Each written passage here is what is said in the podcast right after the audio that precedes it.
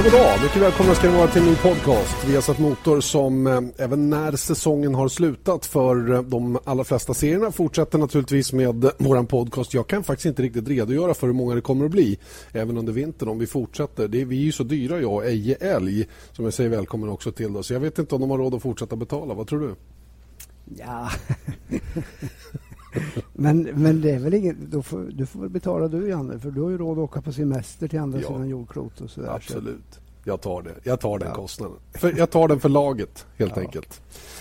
Det är mycket jag, riktigt så ja, att jag, jag är på semester. Ja, just det. Jag har förstått. Eh, jag, jag pratade med någon idag som sa att du var på en sån här hälsokur för att äta nyttigt och gå, gå ner i vikt och sådär. Stämmer det eller? Jo, tjenare. jag befinner mig på andra sidan Atlanten och då vet alla att några hälsokurer det är det absolut inte frågan om. Jag har precis ätit några rostade vita eh, brödskivor med, med, med cream cheese på. Right. Och så kaffe med mjölk och så någon hade haft socker i vilket var vedervärdigt. Så att, ja. det var... Skölde du ner med Coca-Cola sen? Ja, ja exakt. Och, bra. och några chips. och sen är det tv resten av dagen. Ja, men exakt, exakt. Jag ligger på, ligger på sängen där och väntar på att det ska bli kväll så jag får gå ut och äta igen. Ja, men det är perfekt. Ja. Det är korrekt. Du är, lik, alltså... du är lik Janne. Ja, men helt och hållet. Man kan inte frångå liksom. Det går inte. Jag sitter alltså i Miami för närvarande. Längs med Miami Jag tittar ut över Atlanten. Så det är inte alla som gör det när de spelar in podcast. Ser du några hajar eller delfiner eller något sånt där? Faktiskt inte en enda. En vit fiskmås är det enda jag kan spotta just nu. Eh, du sitter hemma i Karlskoga antar jag? Det gör jag och uh, småfryser lite grann. Det, det blåser och sådär men jag, jag, väntar på snön så att vi ska få, få lite ljus igen. Det är så mörkt och eländigt men det, Ja, det vet du väl? Du har inte varit borta så länge? Nej, jag har inte det. Jag känner till fenomenet och eh, har fått lite respit bara. Så det är väl det det handlar om. Eh, vi ska inte prata om våra privata förehavanden överhuvudtaget utan ägna oss åt eh, det som faktiskt är det som tilldrar sig det största intresset från er som lyssnar, nämligen eh, Formel 1-avslutningen som kördes i Brasilien. Har du eh, har ni funderat någonting på det du såg där? Ja, man såg ju det man såg så att säga. Det var väl inte så konstigt. Eh, det blev väl eh, ett hyfsat race. Det blev inte speciellt eh, ska vi kalla det, uppseendeväckande när det gällde slutresultatet. precis. Eller ja, resultatet i den sista tävlingen med två Red Bull först, eh, ett av två. Och ja. framför allt att det var Vettel som vann. Nej, han var, han var för stark den här gången också. Gjorde för en gångs skull lite sämre start. Då. Den är knepig första sväng där och igångsättningen överlag. Det är, det är inte alldeles säkert att pole position är bästa platsen att stå på eftersom den är ytterst. Nej, det har vi ju sett tidigare och det, är en väldigt speciell första sväng med eh, du kommer, du, själva starten är en uppförsbacke och sen, sen så eh, planar det ut och sen är det ju väldigt speciellt med tanke på att den är väldigt, första svängen är oerhört doserad in, in, in i den så att säga. Och det gör ju att eh, spårval där kan vara lite eh, annorlunda än, än i en normal sväng utan den här doseringen. Så att, eh, ja, det, det brukar det bli lite smårörigt. Det brukar det sannerligen bli. Nu gick det väl eh, förhållandevis bra den här gången för de allra flesta men eh, Vettel var, reparerade ju skadan väldigt snabbt och sen var han ju i princip ostoppbar. Då. Det, som, det som var intressant tycker jag med racet generellt var ju det här faktumet att ingen hade kört på torrdäck och, och racet blev då till 99,9 procent torrt i alla fall. Det regnade lite grann här och där men det var ju ingenting som påverkade egentligen. Och det där spelade ju rätt så stor roll såg vi på hur, hur teamen hade chansat med setupen på bilarna.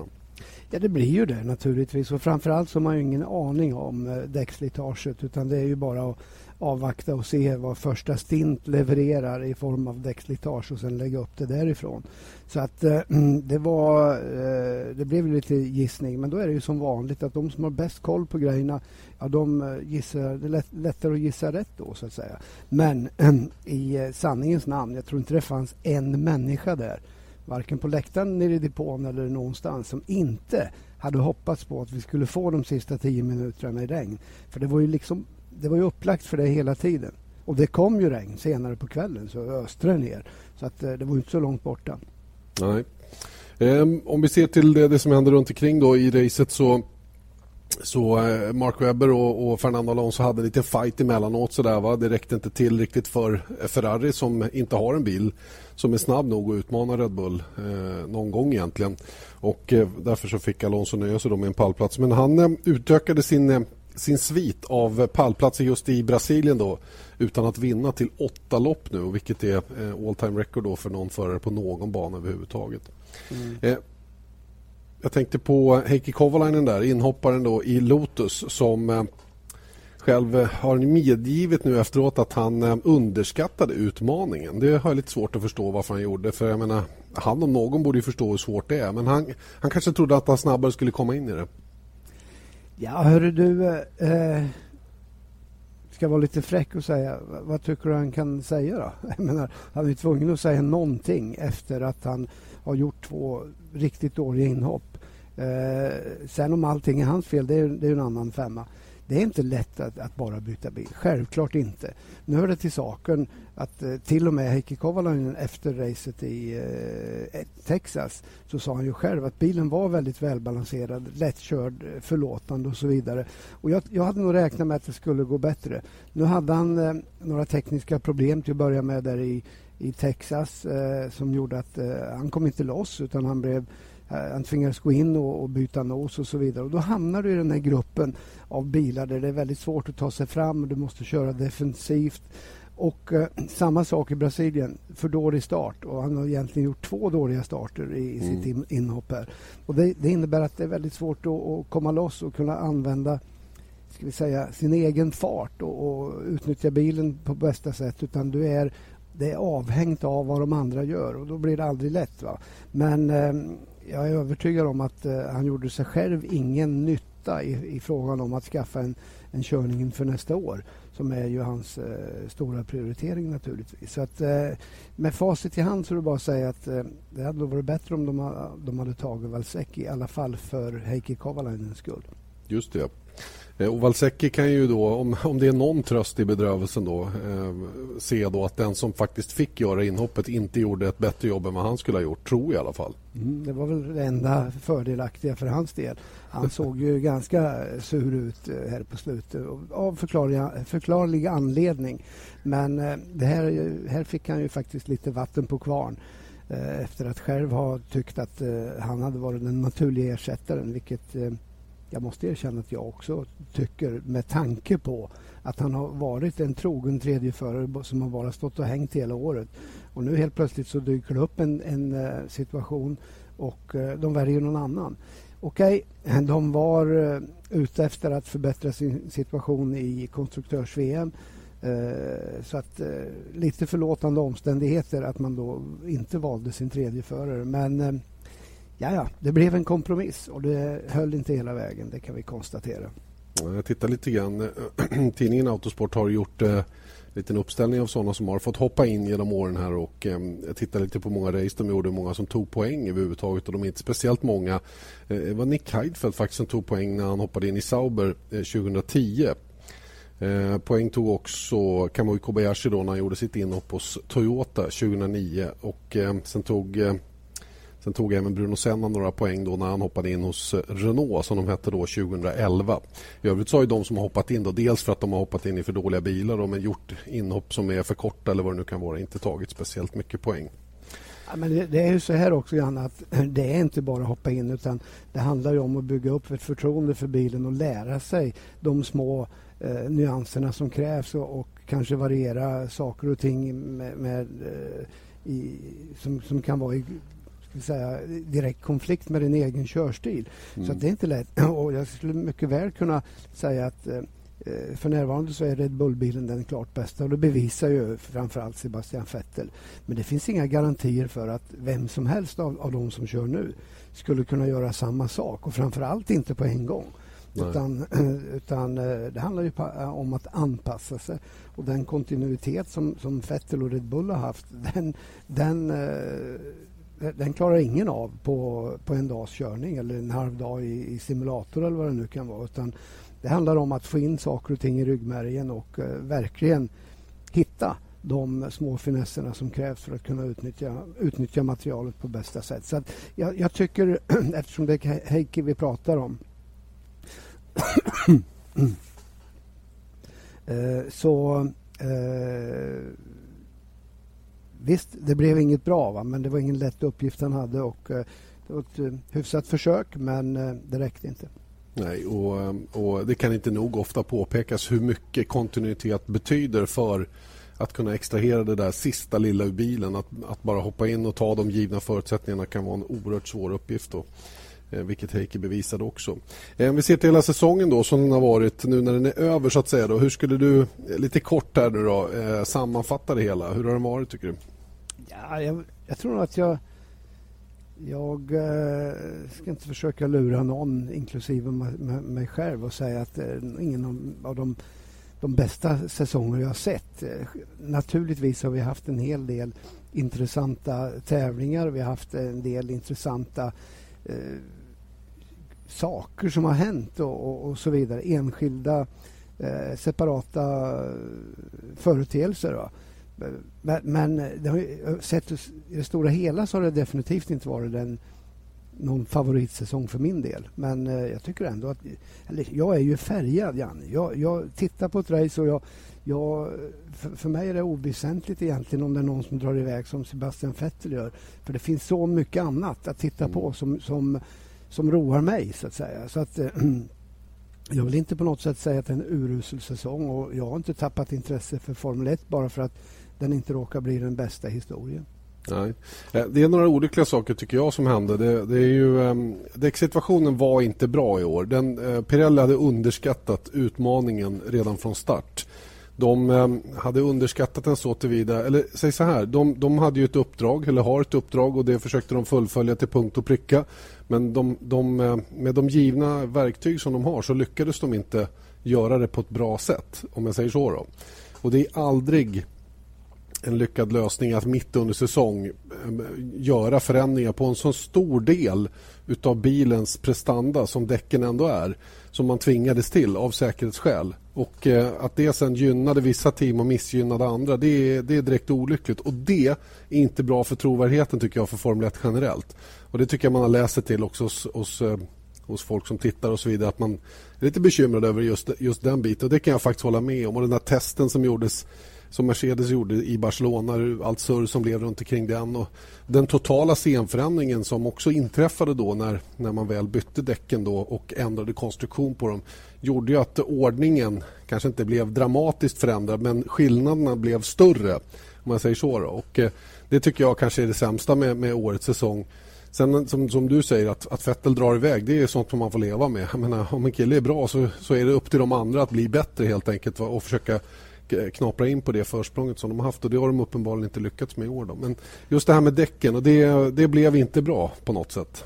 Nej, men det kan, jag kan bara hålla med om det. Och det är, det är lite olyckligt när det blir sådana saker. Det finns andra grejer som också eh, som du och jag har diskuterat. Vi har pratat väldigt mycket om däck. Vi har pratat väldigt mycket om det här med, med vita linjer och det, det, de, det regelverk som FIA vill eh, eh, applicera på, på Formel 1 nu. Och, och, det är många saker som, som är lite tveksamma naturligtvis. Men man får inte glömma bort alltså att det är ingen som försöker att göra saker och ting för att försämra. Utan man försöker att, att göra en produkt eh, bättre. Och, och eh, det, det, är ju samma sak med, med däcken här.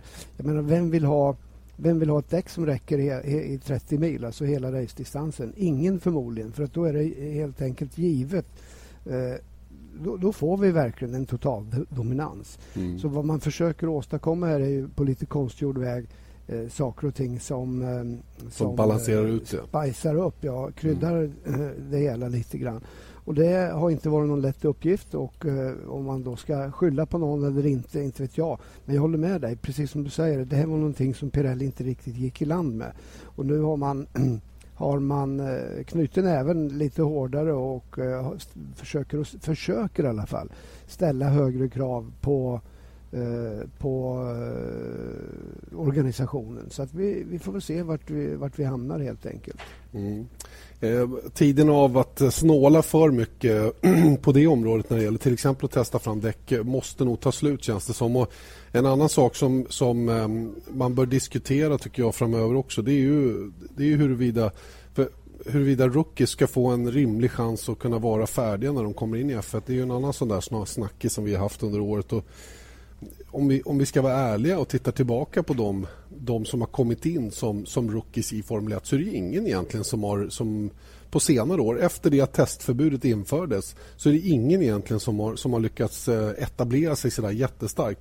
Eh, Perez eh, har försökt, eh, men nu vet vi vad som händer. Nu åker han ut från McLaren och har en oviss tid nu och nu verkar det som att han ändå blir kvar på ett eller annat sätt. Va? Men det, det, är ju, håller du inte med om det? Det är ingen som har liksom varit den där lysande stjärnan som har kommit in i F1 och det måste ju teamen och, och Formel 1 också se att det här håller på att hända.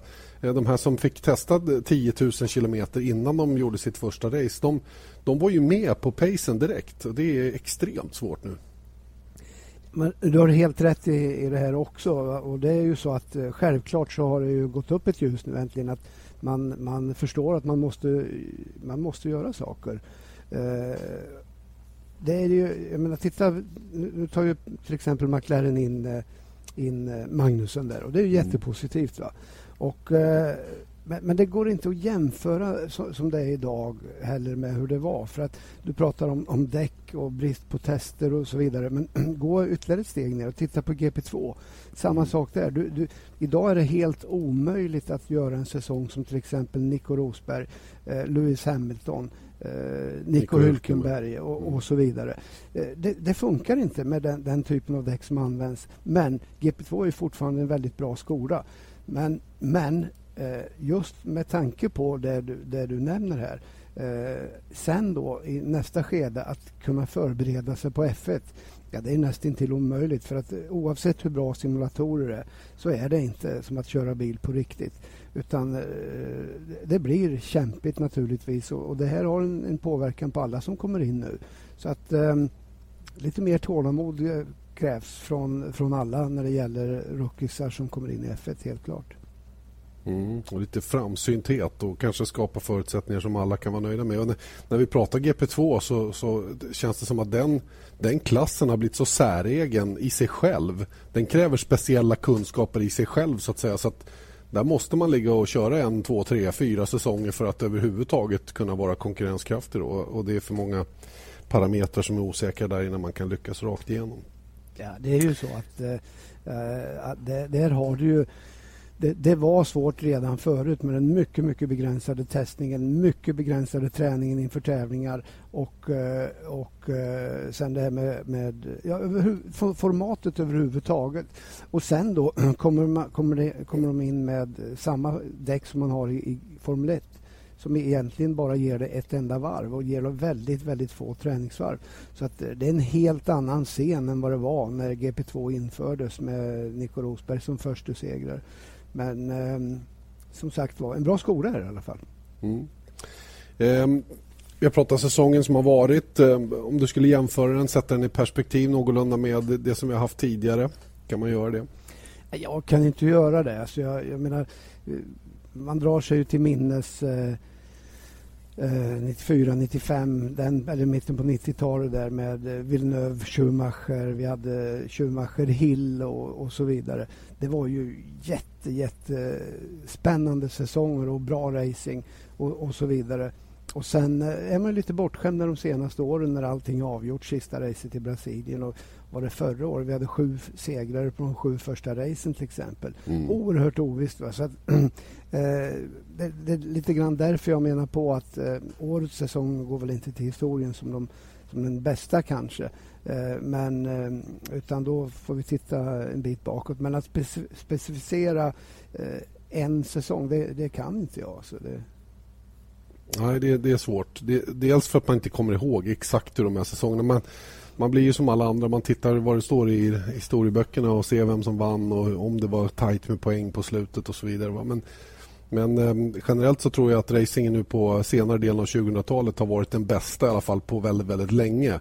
Så tillvida att det har varit eh, bra med action och det har varit ovisst. Eh, det här med att ett eller två team har varit starka, det har vi ju sett i i, sen urminnes tider att det har varit på det viset. Och det tror jag inte kommer att förändras speciellt mycket framöver heller. Det är alltid några som har ett litet övertag och som, som är starkare än alla andra. Och det, det tycker jag är lite intressant det man har hört nu. För eh, då kan vi komma in på det här med Ross Braun till exempel. Ross Braun som, som lämnar Mercedes nu då för, för nya uppdrag. Om man nu tar några nya uppdrag, vilket jag kanske är tveksam till. Men det är många som vill ha honom i alla fall. Han har ju sagt en sak när det gäller Red Bull till exempel då, som är de som dominerar just nu. att Den största risken de lever med just nu det är att tappa folk att inte hålla, mm. behålla. Och även Martin Whitmarsh och McLaren har ju sagt att vi är ju ett jättebra exempel på ett team som, som, eh, som bör och ska vara starka med tanke på de resurser de har men som inte har haft know-how till, till, tillräckligt då för, att, eh, för att kunna leverera ut på banan. Ferrari tycker jag är ett annat sånt stall som också har kapacitet, resurser men som inte riktigt är där. Va? Och det, det är ju det här som gör det så knepigt att vara framgångsrik i F1 att de är så få, de som är riktigt, riktigt duktiga och den här perfekta kombinationen den är så svår att hitta. Liksom. Ja, nej, men det är ju klokt. I vanlig ordning så är han ju klok i sina uttalanden. Och, Eh, det är väl ingen som kan argumentera emot eh, det han säger.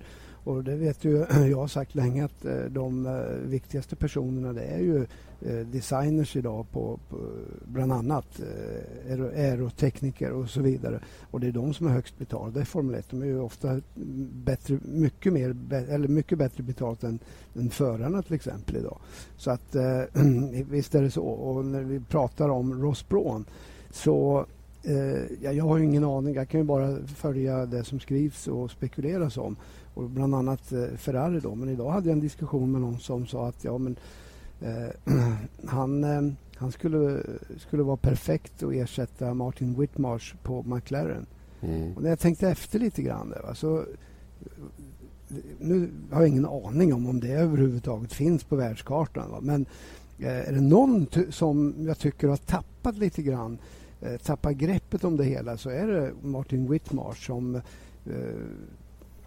på, på många sätt tycker jag har sett lite svag ut i sin roll eh, i år. Och det har jag inte sett tidigare, så det vore ju en perfekt sak. Även om jag tror att det ligger närmare för hand, till hands att eh, Braun går till, tillbaka till Ferrari och sitt eh, älskade Italien som, eh, som han eh, håller väldigt, väldigt högt.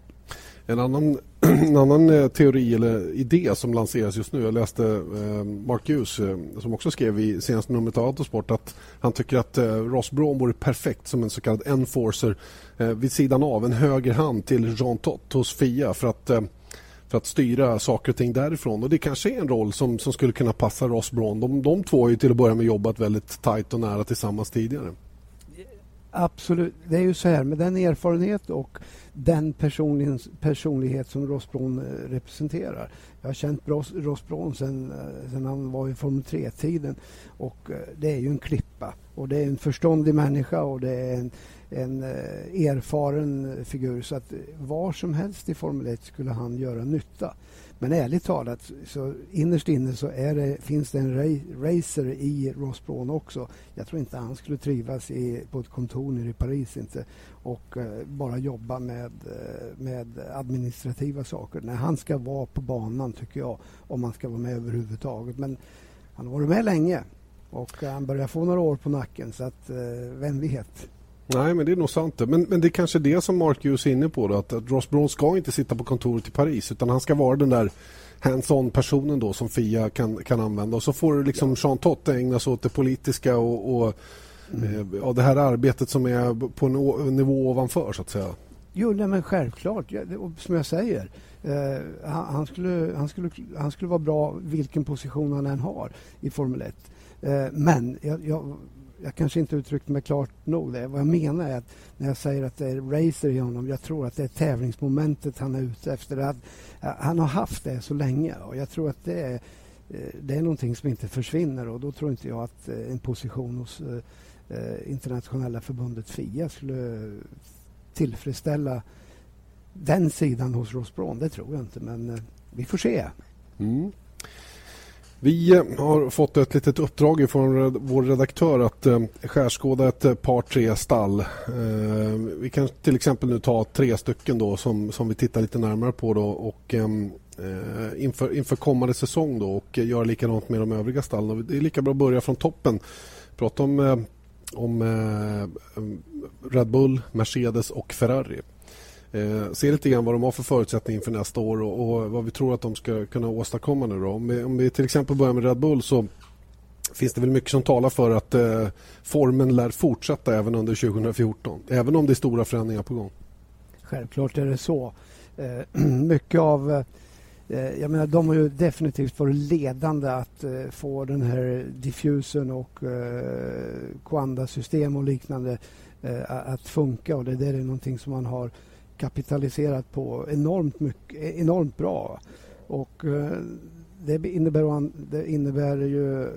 Men, men det behöver inte innebära att man att, att, att, man har spenderat för mycket tid där. Utan för att få det att funka så handlar det ju att rent allmänt om att ha ordning på aerodynamiken. Och även om det nu blir begränsad aerodynamik så går det ju inte att icke-lära sig saker och ting. Och jag är övertygad om att de, de eh, har alla förutsättningar att starta ungefär på samma nivå. Men det finns naturligtvis en massa anledningar att eh, höja ett litet varningstecken där. Därför att eh, en del gissningar kommer det, kommer det definitivt att bli. Alltså. Mm.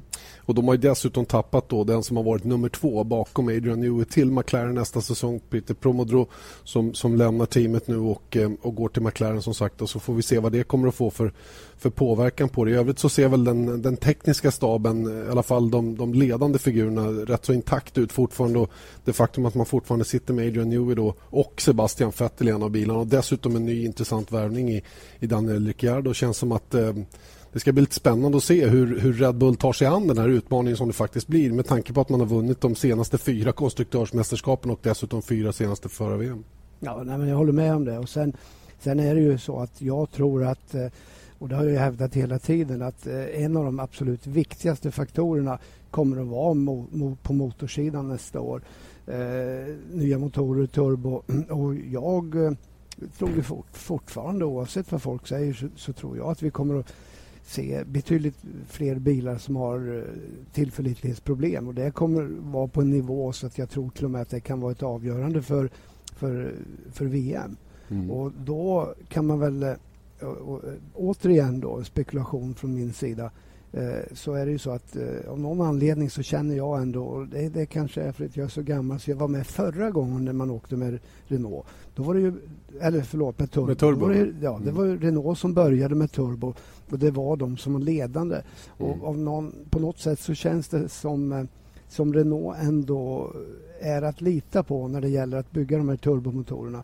Självklart kommer Mercedes också vara bra. Självklart Ferrari och Honda när de kommer in. Så det är inte det jag menar. Jag menar det känns bara som att kanske det första året så kommer tillförlitligheten eh, och inte, inte prestandan i motorerna vad det är som avgör. Och då på något sätt så känner jag nog, eh, skulle jag känna mer trygghet att vara med Renault. Och det talar ju då ytterligare, ytterligare en gång för att Red Bull kommer att vara med där uppe i toppen. Jag eh, tittar på nästa då. Tvåan i årets konstruktörs-VM, nämligen Mercedes då, som lyckades bärga den andra platsen med allt som hände senast i Brasilien.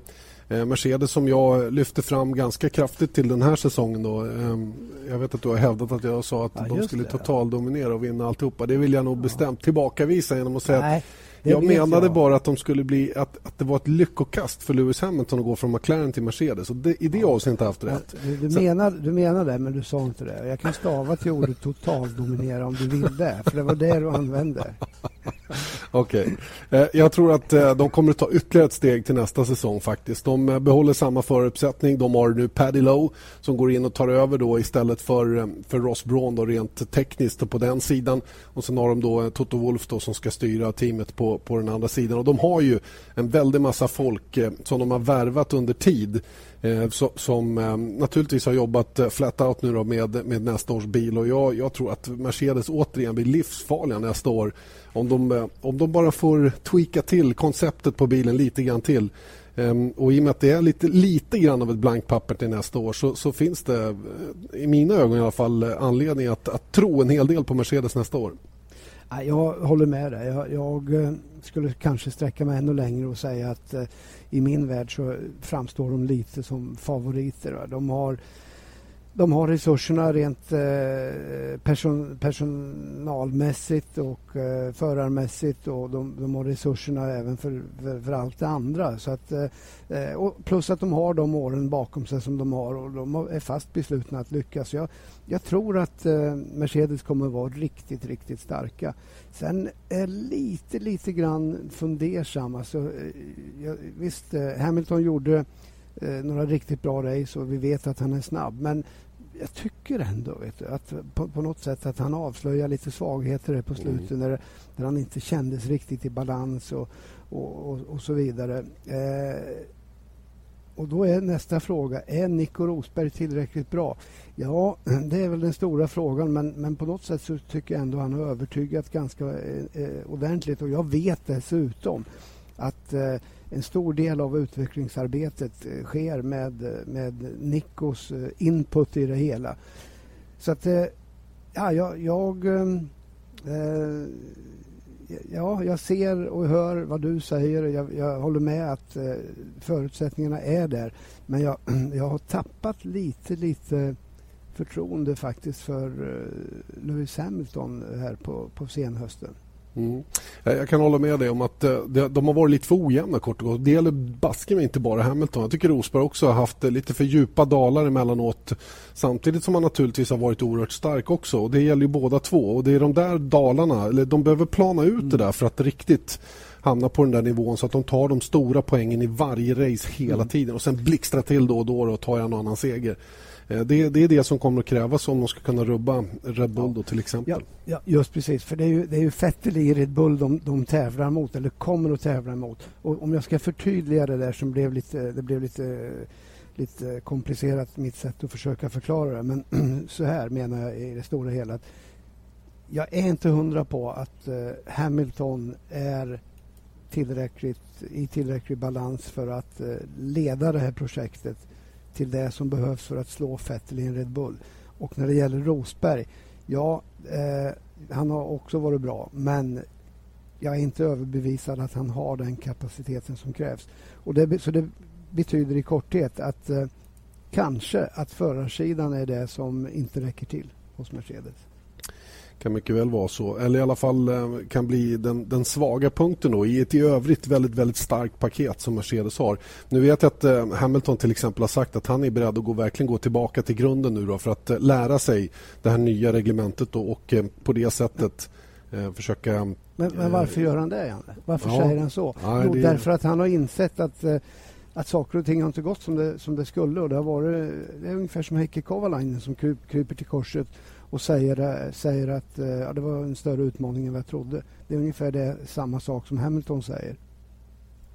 Eh, ser vi då till Ferrari då, det, det, tredje teamet då i eh, mästerskapet i år eh, och eh, snacka om stark föraruppställning. Det har ju varit den stora snackisen sedan det blev klart. Eh, Fernando Alonso och Kimi Räikkönen ska alltså köra tillsammans. Ferrari som dessutom har värvat James Allison som var toppman och väldigt mycket bakom framgångarna som Lotus har haft Eh, övervärvad nu tillbaka till, eh, till sitt eh, gamla team Ferrari. Och det är en riktigt, riktigt stark värvning. Jag uppfattar den värvningen nästan som starkare än Räikkönen själv. Jag kan bara hålla med. Jag tror att eh, det behövs eh, ny input från den, på den tekniska sidan där och eh, framförallt någon som är tillräckligt stark för att styra upp saker och ting. För att eh, det duger inte att ett par, tre år klaga på att man inte har en, en eh, vindtunnel som inte är tillräckligt bra och varje år lovar att nästa år kommer vi med en bättre bil. Det går inte bara att lova utan se till att bygga en bättre bil om det är mm. på det sättet. Och, eh, så det var lite för mycket snack och för lite verkstad där som man populärt kallar det för. Just det. Och eh, Luca de Montezemolo som gillar att komma med spektakulära uttalanden har väl varit inne på samma linje ungefär. Då. Han har väl visserligen kritiserat både det ena och det tredje men eh, dels sitt eget team då för att inte vara upp till standard då när det gäller bilen då under de här senaste åren. Då. Även om man faktiskt har varit med och huggit där ända fram så har det liksom inte räckt hela vägen. och Det är signifikativt just nu för Ferrari. På något sätt så måste de eh, kraftsamla nu och eh, där har vi då återigen det här med kontinuitet och samma personer som jobbar hela tiden. Och, och, hur stark är Fernando Alonso? Är han för stark? Har han för mycket mm. att säga till om? Eller ja, är det... Det, är det som är den stora frågan. Alltså att, att, Alonso, att Alonso är stark eh, rent förarmässigt, det, det behöver vi inte diskutera. Och det är bara att titta på den senaste senaste lilla enkäten som gjordes mellan av förarna där de fick bedöma vem är bäst av Alonso och eh, och eh, Vettel. Ja, åtta av tio håller ju mm. Alonso som den starka. Så att, eh, det är inte bara att jag och du säger utan det är det, man tro, det, det allmänna man tror. Och han har ju en otrolig, otrolig förmåga att eh, eh, ta bilen i mål och göra bra. Titta på det här racet i Brasilien. Vilken otrolig prestation alltså, med en bil som inte riktigt var tillräckligt bra. Men här dök det då upp omständigheter som gjorde att han någorlunda kunde vara med. Och du vet, det är ju inte en, det är inte en siffra fel där, utan det är ju, han gör ju allting rätt. Det är heller ingen tillfällighet att det är 20, 74 starter, eller 74 race nu som han inte har haft något mekaniskt problem på bilen. Det är också en Eh, viktig... Ja, visst är det det. Och, Mm. så att, eh, Ferrari, är det någonting de har så har de tillförlitlighet. Det kan naturligtvis bli, eh, bli väldigt, väldigt avgörande inför nästa år. Just det. Och sen, eh, vi pratar ju om att extrahera max ur det tillgängliga materialet och där kan man väl inte ha en bättre förare än Fernando Alonso. För maken till människa att verkligen skruva ur det där sista lilla som finns. Det är svårt att hitta på griden. Ja, abs- absolut. Och den egenskapen tror inte jag att Kimi har. Men å andra sidan så eh, får man nu till en bil som är bra så, så eh, när det gäller snabbhet med, eh, finns det ingen som slår Kimi på fingrarna. Och det ska bli mycket intressant. Skulle de nu komma fram med ett konkurren, konkurrenskraftigt paket så kommer det bli mycket, mycket intressant att se vem av de två som eh, kommer att dra längsta strået. För att, eh, som du säger, grym stark förar, eh, föraruppsättning. Jag rankar i alla fall eh, teamen nästa år på samma sätt. Red Bull, Mercedes, Ferrari. Hur rankar du dem? Om du får gissa, tippa. Ja, det, det gör jag. Alltså, men jag, jag vill ändå reservera mig för att de, de som du nu nämner, det är tre olika motor, motortillverkare dessutom. Så du, du på den säkra sidan nu. Mm. Eh, och eh, jag är inte övertygad om att eh, alla de tre motortillverkarna för nästa år kommer att lyckas eh, så bra. Jag tror dessutom innan man har kommit till ett läge där man hinner frysa motorerna eh, och få någorlunda jämn eh, prestanda mellan dem kommer att, kommer att ta tid. Va? Det är trots allt ett väldigt, väldigt annorlunda reglemente och, och ja, jag, jag skulle nog vilja se det på det sättet du gör om man, om man tar all, räknar in allt. Men som sagt var en liten, liten, litet varnings, eh, varnande finger för att eh, tillförlitligheten hos någon av tillver- tillverkarna kan komma att sätta käppar i hjulet för dem. Mm. Återstår att se alltså vad som kommer att hända då till nästa år med, med eh, den rangordningen. Vi fortsätter ju genom hela, hela konstruktörs-VM neråt och försöker att bena ut eller i alla fall eh, redovisa hur vi känner och tycker inför kommande säsong i våra kommande podcasts. Eh, regeländringarna har det ju pratats väldigt mycket om och eh, jag har ju utlovat länge nu att vi ska nästan ägna en hel podcast åt det där och det ska vi försöka göra. Då ska vi dessutom försöka ha med någon som, som har, har riktigt bra kunskap i vad som kommer att ske runt omkring och det får vi återkomma till. Men förenklat Eje så kan vi ju prata om det i alla fall då. Lite så här regeländringar för Eh, i stora drag. Och eh, Det som eh, kommer att synas allra mest är ju att nosarna kommer att bli betydligt mycket lägre än vad de har varit tidigare. De kommer ju att slutta framåt ungefär som de gjorde då under, innan det att Benetton såg till att bygga den där höga nosen. Mm. Ja, och det... Eh, jag vet inte vad det finns att säga om det. det, det denna för- förändringen har kommit till av säkerhetsmässiga skäl.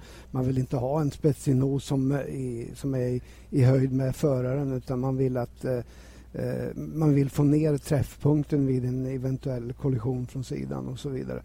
Och eh, det är ju ingenting, tycker jag, som påverkar åt ena eller andra hållet. Det är mycket möjligt att det förändrar aerodynamiken lite grann. Men det här är ju någonting som man redan har fullständig koll på efter att ha kört, eh, kört eh, modeller i vindtunnlar och så vidare. Så det, det, det, det är lika för alla och eh, ingen större förändring som, som jag tycker. Nej. Eh, dessutom kommer framvingen att bli aningen smalare. Det är inte heller någon... Eh, ja, det är klart att det här är stora förändringar för teamen, självklart. Mycket Men- att men jobba om man- på, definitivt. alltså. men, ja, men, så är det. Men, men det är ju ingenting som, som eh, kommer att förändra inbördes eh, styrka mellan teamen eller så. Nej. Eh, Curse och Urs pratade vi med eh, eh, Renaults, eh, Renaults eh, motorchef där när vi hade sändning senast i Brasilien då och eh, hur man kommer att ta, ha två olika system då för att återvinna energi. Då. Det ena kommer ju vara lite grann som tidigare. Och det andra kommer ju vara då att man, man sätter en elmotor som är kopplad till turbon då, där man använder eh, avgaserna eller ja, vad ska jag säga, energin ja. i turbon då för att ladda upp ett, ett batteri. Just precis. Och det använder man dessutom då för att eh, begränsa det här turbolag som det heter, fördröjningen i, i Ett form av responssystem, ska vi kalla det ja, det? Just precis. Så det är heller mm. inga nyheter utan det där är ju sånt som bara kommer att eh, försäkra, eller för att inte förändra körbarheten för mycket helt enkelt. Eh, och eh, sen då, när man använder de här krafterna så kommer det ju vara lite skillnad naturligtvis. Och det kommer att eh, ställa lite större krav på förarna hur man disponerar det här. För att istället för Ja, det är ungefär dubbelt så många hästkrafter som man kan få ut av det, det sammanlagda eh, energitillskottet då, från återvinningen så att säga. Och så att det, det, kommer bli ännu viktigare hur det disponeras av föraren och det kan naturligtvis eh, få en eh, positiv eh, funktion. Eh, helt klart. Men det eh, kommer nog ta lite tid innan man har lärt sig att utnyttja det totalt. Totalt, totalt, det verkar vara ett populärt ord. Eh, som mest kommer motorn, ja. själva motorn då att ge 600 hästkrafter och sen kommer man då att via de här återvinningssystemen då att få ytterligare 160 hästkrafter lite drygt som man då kommer att få nyttja under 30 sekunder per varv. Och Det är ju en, en tredjedel av varvtiden. Det. Och eh, det är ju mm. det du är inne på, att, att använda de här extra hästkrafterna på rätt ställe. Det är det som kommer att bli nyckeln. så att säga. Ja, det är nyckeln redan idag, eh, när man, speciellt när man är involverad i en fight med någon och inte lyckas eh, på ett antal varv. Ja, då gäller det att lägga om strategin naturligtvis och få de här extra hästkrafterna Eh, på ett annat ställe på banan. Och eh, när det rör sig om så mycket hästar som, som nästa år, ja då kommer det bli eh, direkt avgörande hur du disponerar det, hur, var du använder det och hur du använder extra energitillskottet. En annan stor förändring då till nästa år eh, det är ju ehm, att man begränsar mängden bränsle man får ha med sig ombord i bilen från det att loppet startar. Det kommer alltså att vara max 100 kilo och det är ungefär 50 kilo mindre än vad man använder idag. Eh, sen var det ju då lite förvirring om vad som gällde med det här fuel mass flow som var satt till 100 kilo per timme. Och Det är ju någonting helt annat. Det är ju, ligger i det tekniska reglementet, det andra ligger i det sportsliga reglementet. Den tekniska delen det handlar om hur, hur, hur man begränsar turbons eh, prestanda så att säga. Då, för att den inte ska, det ska inte bli de här extrema eh, extrema turbomotorerna så att säga. Utan där har man bestämt hur mycket som, hur mycket som får gå igenom så att säga. Och skulle man köra bilen smetfullt hela tiden så skulle man kunna åka i max en timme men det är ju aldrig aktuellt. Och Sen har man ju då den extra återvinning då som man har tillgänglig också. Ja, den siffran är ju bara ett, ett tryck eller ett, frö, ett mått på ett flöde egentligen. Och det är ju bara så att eh, när det gäller turbomotorer, på min tid när man körde med turbo, då var det jätte, jättebra. För att eh, om man inte kunde köra tillräckligt snabbt och, då kunde man bara vrida på en spak och så fick man 100, 100 hästar extra, eller på spak på en liten knapp. Eh, så det var ju bra, bara öka turboboosten. Nu, eh, måste, nu försöker man ju begränsa det där naturligtvis. Och, eh, men å andra sidan så har man ju då det här curse-systemet att använda och det kan man ju kanske kalla för vad som helst. Boost är inte helt fel det heller. Va? Men det blir alltså ett konstant eh, turbotryck som, eh, som Lomaro jobbar med och ingenting annat. En annan sak som kommer att eh, förändras då är ju då med den nya motorn så blir det bara ett avgasrör. Det här avgasröret kommer, kommer att komma ut mitt bak och det kommer att ha sitt utlopp eh, knappt två decimeter bakom bakom eh, centerpunkten på hjulet, det vill säga bakom bakaxeln. Och Det innebär att allt blåsande av diffuser och sådana saker det är ju ett minne blott nu. nu. Nu kommer avgaserna inte att kunna användas aerodynamiskt på det sättet som man har gjort nu de, de senaste åren. Och Det är också en rätt så stor skillnad jämfört med vad, vad teamen... Och det är nog en, en ganska svår nöt att knäcka tror jag rent allmänt att hitta den downforce bak som man nu har levt ganska gott med. Eh, framförallt Red Bull då, som fick det där att fungera oerhört, oerhört bra. Nej, men man kommer inte att hitta det, Janne. Man kommer inte att hitta det. Så att vad, det, vad det handlar om är att det, det är mindre downforce i bak och därför så måste man disponera om hela aeropaketet för att få en balans. För att det har ingen, ingen betydelse hur mycket, du, hur mycket eh, downforce du har i bak om du inte kan ha motsvarande fram. Så att eh, det, nej, de kommer aldrig att komma ikapp eh, där man tappar på diffusern och på Honda-systemet. Det finns inte en chans. Utan det blir lite annorlunda, annorlunda körning i frågan om eh, fart in i svängar och, och sånt där. Men eh, eh, det är ingenting som jag det är ingenting som jag eh, nödvändigtvis vill ha utan snarare skulle jag vilja ha eh, Formel 1 med begränsad, större begränsning på, på aerodynamiskt grepp och kanske lite mer mekaniskt grepp. Mm. Men det är som sagt var det finns eh, klokare människor än jag som eh, jobbar med sånt där för att hitta den perfekta formulan. Så att, eh, jag hoppas att de är på rätt väg. Du är inte på väg in i tekniska, Technical Working Group, eller vad heter det? Ja, jag, jag, jag kan vara lite... Jag, kan, jag, vet hur man byter tändstift. Alltså, det är bra. På. Det är bra. Det är bra. Det, det kan jag gärna instruera. Vi kunde ta en podcast om det. det finns, Absolut. Det, jag kan verkligen sätt. behöva lära mig det. Eh, en sak till då innan vi, innan vi släpper det nya reglementet då i denna väldigt förenklade version. Det är säkert saker som vi har glömt som någon tycker att vi borde ha tagit med. Men vi har tagit med de stora grejerna i alla fall. Sidepodsen kommer att bli betydligt större för att eh, man behöver bättre kylning på de här turbomotorerna. Och sen kommer bakvingarna bli grundare. Man kommer inte ha samma möjlighet att köra så brant vinkel på, på vingplanen i bak. Och eh, det är också en sak som, som är till för att minska aerodynamikens påverkan naturligtvis. I alla fall den downforce man kan nyttja bak till på bilen. En så kallad beamvinge som har suttit lite längre ner på, på mellan ändplattorna på bakvingen eh, kommer också försvinna. Nu kommer det bli två, två stag som går rakt upp och, och, och fäster i, i vingen upp till då på det undre vingplanet så att säga. Och i, emellan de stagen så kommer den här det avgasröret att komma ut. Då så som jag har sett det åtminstone. Och eh, det finns ju de som är lite oroliga för att bilarna kommer bli fula. Jag, jag såg Giorgio Piolas lilla teckning av en, hur en bil skulle kunna se ut, eller hans animation och eh, jag tyckte inte det var några dramatiska estetiska skillnader. Vad säger du? Ja, men du, de som uttrycker sig som är lite nervösa för att bilarna blir fula, det är ju jäkla tur att de inte tvingas köra dem också. Ja, ja för att det, det är hellre att de är snabba på klockan. Ja, de behöver bara se dem på tv. Men äh, jag måste säga att äh, i en äh, avgörande fight i slutet på ett race där så ägnar inte jag så jättemycket tankar åt vem som har snyggaste bilen. Alltså det... Gör du det eller? Men ej, estetik, estetik. är det någon jag vet som gillar estetik så är det du. Eh, fast kanske på andra områden. Eh, hur som helst, vi får se hur de kommer att se ut. Det lär visa sig. Teamen jobbar i alla fall fullt tryck nu för att få ordning på bilarna. Jag läste också det senaste numret av Autosport faktiskt, som är en väldigt bra tidning. Eh, att ehm, eh, det finns farhågor om att den här testen på Jerez, den första, när bilarna gör sin rollout så att säga då, där vi tidigare sett dem göra 100 varv första dagen, de, de dagarna är totalt borta.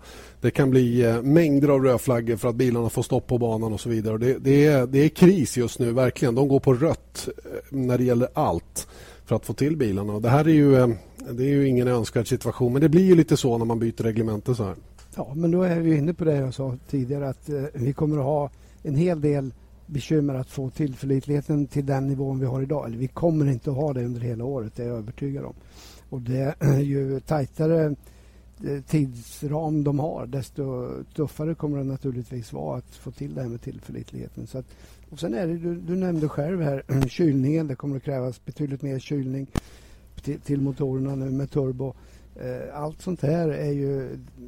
Visst, man har simulatorprogram och man kommer att göra tester eh, hemma på fabrik. Men innan du sitter där ute på banan och snurrar runt eh, i x antal varv så vet du inte hur bra det fungerar i verkligheten. Så det kommer att bli en helt, helt annorlunda Formel 1, det kan jag garantera.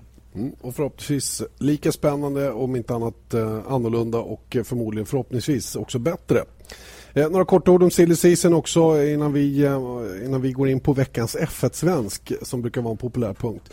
Eh, mm. silly season som fortsätter och eh, nu i veckan så eh, förväntas Pastor Maldonado bli eh, bekräftad som förare hos Lotus. Mm. Tillsammans med Får, får jag avbryta Janne? Det får du göra. Åh vad snäll du är. Mm. Eh, jag utlovar att eh, ge dig en liten grej just angående silly. Ja, eh, när du är klar. Ja, jättebra. Men då, då fortsätter jag med... det är fantastiskt.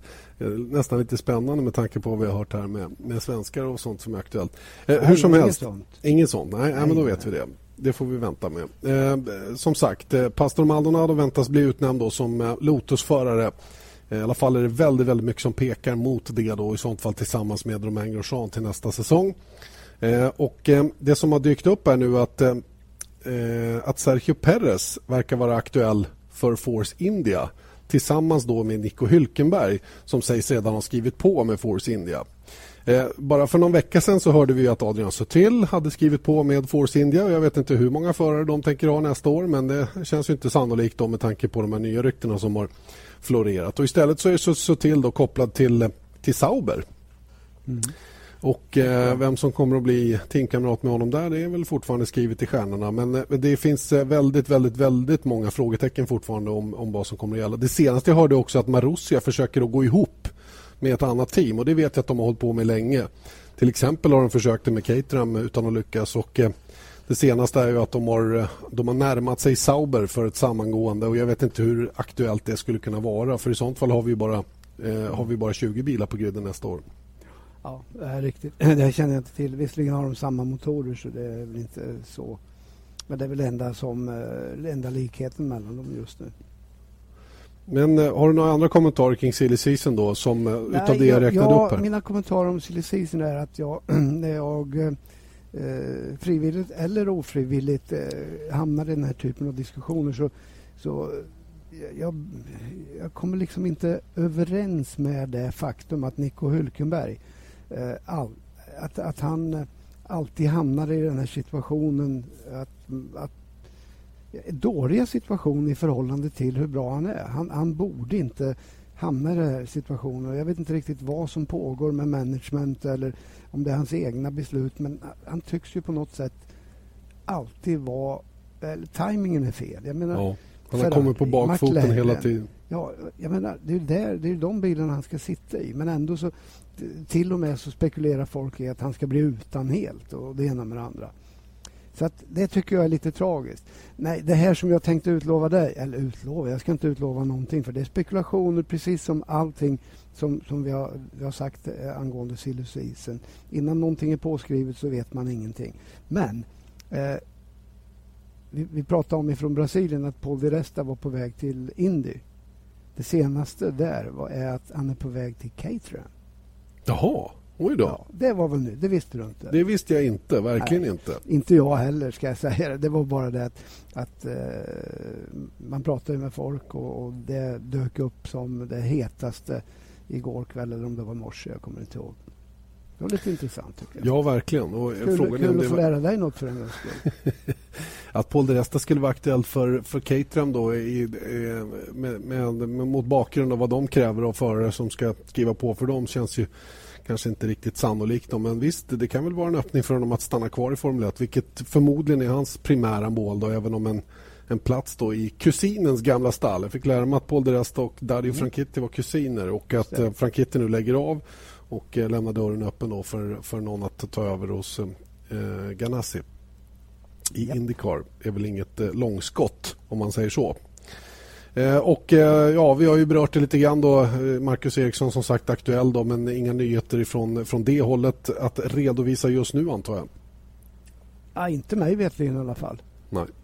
Så att det får vi helt enkelt fortsätta avvakta med och eh, återstår att se vad som kommer att hända med silly season framöver. Räkna med några utnämningar den här veckan i alla fall. Eh, har, har vi lovats åtminstone. Vi får väl se hur, hur, hur väl det stämmer då. Men eh, som sagt, det, det, starkaste är ju att Pastor, Maldonado, Pastor Maldonado trots allt hamnar i Lotus då tillsammans med Romain Grosjean och därmed säkrar upp en någorlunda framtid för teamet då, som, eh, som naturligtvis inte har någon lätt situation då, med allt som krävs i form av förberedelse inför nästa år och så vidare.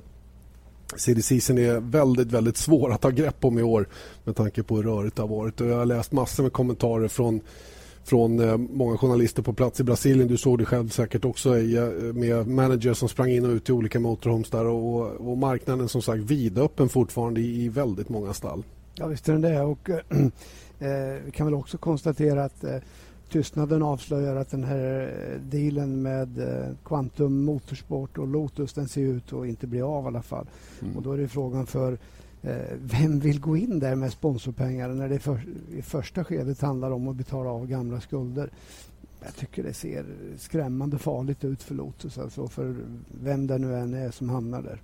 Mm. Det rör lite på sig också på ingenjörssidan. Chevy Pujolar som har varit chefsingenjör hos eh, hos eh, Williams lämnar teamet och går till Toro Rosso. Eh, Tom McCullough som, eh, som var hos Williams tidigare men som gick till Sauber i år lämnar Sauber efter den här säsongen också. Och Rob Smedley ser ut att landa hos Williams då. Kanske för att ta över efter den Pujolar då, som, som lämnar för att gå till Toro Rosso istället. Så det är en hel del där också. Eh, silly season-snack även på ingenjörssidan då och det är inte helt oviktiga positioner det heller. Eh, vi ska innan vi rundar av då också nämna veckans F1-svensk som vi idag har plockat fram. Den gamle trummisen. Han var inte trummis så länge för ABBA, men han var trummis för ABBA en kortis i alla fall och körde också med ABBA-logga på sin bil. Jag talar förstås om Slim Borgud. Ge oss allt du vet om Slim Borgud. Nej, nej, men du, du, du får vi göra en egen podcast om. eh, Slim, en underbar, underbar människa eh, i många avseenden ja, jag vet inte eh, vad jag ska dra till med. Musiker naturligtvis från för, i första början. Jag tror inte, som du säger, jag tror inte att han, han spelade eh, på scen speciellt mycket med ABBA men han spelade ju en hel del musik eh, för, både före och efter. Och jag tror att hans genombrott var i en grupp som heter Made in Sweden. Om du har hört talas om det. Det var väl eh, tillsammans med eh, Björn Skifs, va? för mig? Ja, Kanske? Ja, ja, jag ska inte säga, men Made in Sweden vet jag i alla fall att det var hans genombrott på det. Men jag träffade Slim tidigt, bör, eh, tidigt i, i, min karriär och eh, jag kommer inte ihåg riktigt var. Va? Men sen så hamnade han och jag i samma team, Rotell eller Rotel, vad det nu hette, eh, racing team som skulle ha tre stycken Formel 3-bilar en för mig, en för Slim och en för Conny Ljungfelt. Och eh, hela det här stallet eh, drevs av en norrman som hette Tore Helle. Byggde egna bilar. Eh, första race vi kom till tror jag var Sandfort. Eh, ingen bil var klar till första träningen, ingen till andra. Eh, jag tror att det blev en bil klar. Jag tror att det var Slim som körde första racet och eh, fick inte många varv på träningen. Eh, gick riktigt dåligt. Andra racer var, var det fortfarande bara en bil klar. Eh, eller vänta, det var någonstans som vi fick faktiskt hyra in March-bilar och köra det istället för, för våra, för vi hade commitment då till våra spon, våran sponsor, sponsor där, Rotel Racing Team. Eh, men sen fick jag andra Andra racet var på Nürburgring. Då fick jag köra vet jag. Och jag tror... Eh, och det var just den här Rotel, Rotelbilen. Viking heter den. Viking, mm. så var det, Viking TH1. Ja, och, och uh, första varvet i, i racet så nerför Fuchs röre, flat out på högsta växeln där så bara kollapsade hela framvagnen och jag tappade allt som fanns. Jag hade inga hjul kvar och kraschade vilt. Uh, nu var det Slim vi skulle prata om. Eh, men, men, men, som sagt var, Slim och jag eh, umgicks väldigt mycket. Eh, åkte dit för fortkörning i Schweiz på väg hem från test i Mugello bland annat. Eh, en mycket, mycket trevlig gemenskap med, med, med Slim. Och sen så eh, den här grejen med med Formel 1. Det dök ju upp som gubben i lådan egentligen. Han fortsatte ju efter det här Viking Rotell-köret där så fortsatte han i F3 och hade några bra år. Han körde GRD bland annat och jag tror han körde Ralt också, eh, F3. Men sen så dök det upp som en riktig överraskning där han hade lyckats då fått sponsorship på något sätt av, av eh, ABBA och jag undrar om det inte var med Tyrell han debuterade. Så han körde ju en hel säsong med Tyrell. Med, ja, det var ATS, ATS 1981 ATS, ATS, förlåt, och sen ATS Tyrell 82. Den gamle Günther Schmidt, ja, tysken mm. som drev det här teamet. Och, eh, och sen lyckades han även få till en, en körning med Tyrell året därpå. Mm. Eh, jag vet att Slim tog en VM-poäng på Silverstone. Och det är inte många svenskar som har gjort. Men det är heller inte många som vet att det var sju bilar som kom i mål och att Slim var ett varv efter den som var femma. så kan det så gå. Att, så att det, på den tiden så hade man problem med tillförlitlighet. Nej, men Slim var duktig förare och eh, eh, sen vad som hände efter allt det här det var att han, han höll på med lite allt möjligt men bland, bland annat så blev han väldigt framgångsrik i truckracing, körde lastbil alltså. Stämmer. Och, och sen finns det naturligtvis en massa grejer som jag inte kan prata om när det gäller Slim och mina bravader. Men det, det, kan vi ta när du kommer hem från soliga Florida. Just det, då kan vi ta det lite över en kaffe vid sidan av. Utanför mm. en podcast menar du? Just det. Ger vi en liten cliffhanger till alla. Han vann till exempel Fias eh, Truck Racing Championship 1995. Eh, så att eh, han, han krigade på rätt så länge faktiskt, Slim Borgio då som gjorde ett eh, inhopp i alla fall i Formel 1 utan att eh, göra något jättestort avtryck efter sig i alla fall. Men en av dessa svenskar som ändå har kört Formel 1. De är inte jättemånga men det finns ett gäng och eh, vi redovisar en i stort sett varje gång då vi har en podcast. Och det finns inte så mycket att tillägga då efter detta utan vi ser fram emot eh, att få eh, komma tillbaka om en vecka igen. Det är lite lågsäsong nu men vi ska säkert fylla våra podcasts i alla fall. Och eh, om inte annat jag ser fram emot att njuta av lite värme här. Du tycks inte ha några problem att fylla den för vi har hållit på över en timme nu. Jag vet. så kan det gå. När man har roligt så är det svårt att hålla koll på tiden. Eh, vad händer för dig då? Ja, jag har väl semester nu. Har jag inte det? Jo, jo, jo. Ja, jag bara tänkte... På F1. Jag, jag, Janne, jag har inget annat jobb jag vet du. Det är det som är problemet. Men om du har något jobb som, som passar så tar jag gärna det. Jag ska försöka ordna till ett sånt. Jag lovar. Något, något, något nyttigt ska jag nog kunna få till. Bra, bra. Okej, vi hörs om en vecka igen.